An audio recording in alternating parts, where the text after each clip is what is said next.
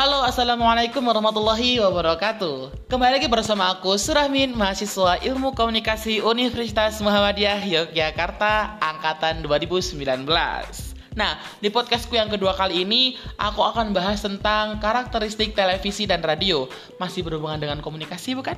Oke, kita berangkat dari nomor satu Karakteristik televisi Karakter yang pertama adalah audio visual. Televisi memiliki karakter audio visual. Artinya apa?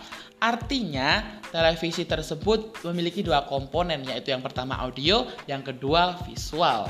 Yang mana ketika audiens, ketika penonton menonton televisi, dia akan lebih enjoy, akan lebih menikmati, akan lebih asyik dan bahkan akan lebih mudah untuk ini, untuk memecahkan makna apa ya sih yang sebenarnya disampaikan daripada autor gitu kan.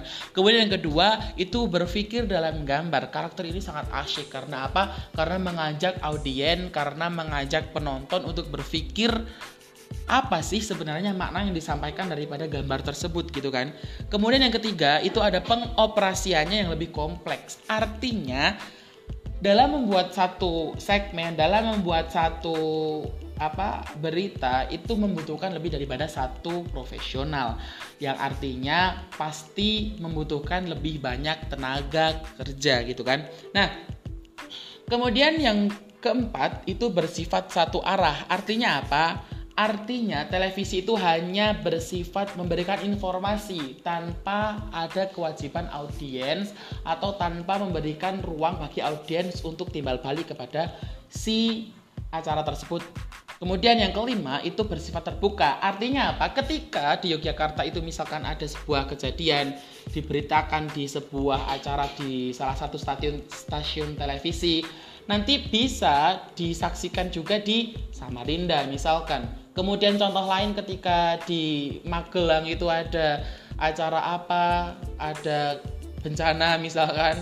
Kemudian nanti bisa juga ditonton oleh mereka yang duduk manis di Aceh misalkan begitu. Kemudian karakteristik karakteristik selanjutnya yaitu bersifat selintas. Artinya televisi itu hanya bisa ditonton ketika jam tayang tersebut. Walaupun sekarang banyak channel televisi yang memiliki akun YouTube yang artinya apa yang artinya konten yang ada di televisi saat itu bisa ditonton ulang ketika sudah diupload di YouTube gitu kan. Kemudian karakteristik yang selanjutnya yaitu keserempakan. Artinya audiens itu menerima informasi yang sama dalam satu waktu dan di mana pun.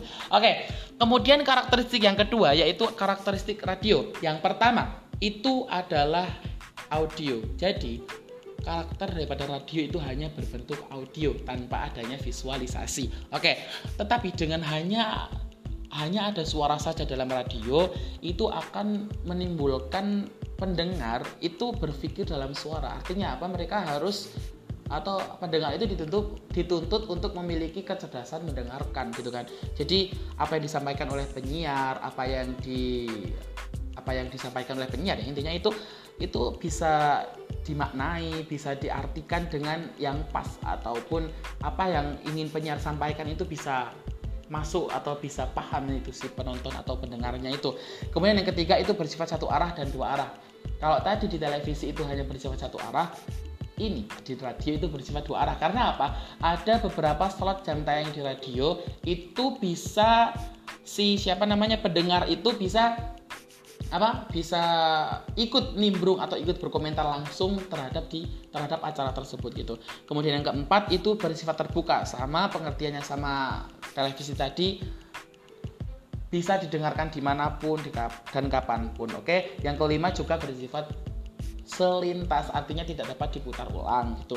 Kemudian salah satu kelebihan daripada media televisi itu kreativitas dan efek kreativitas dan efeknya itu sangat sangat tinggi. Jadi e, lebih mudah untuk penontonnya itu apa lebih mudah untuk penontonnya itu me, memecahkan makna yang disampaikan oleh autor. Kemudian kekurangannya itu televisi itu tempatnya terbatas ya pasti kemudian biayanya mahal karena dia harganya lebih mahal. Kemudian untuk radio kelebihannya itu salah satunya itu hanya membutuhkan kemampuan mendengar itu kan yang tadi saya sampaikan. Kemudian untuk kekurangannya itu tingkat isi atau materi tidak sesuai kebutuhan masyarakat hanya sebatas oke okay, sekian podcast yang kedua dari aku Tunggu podcast yang ketiga. Bye.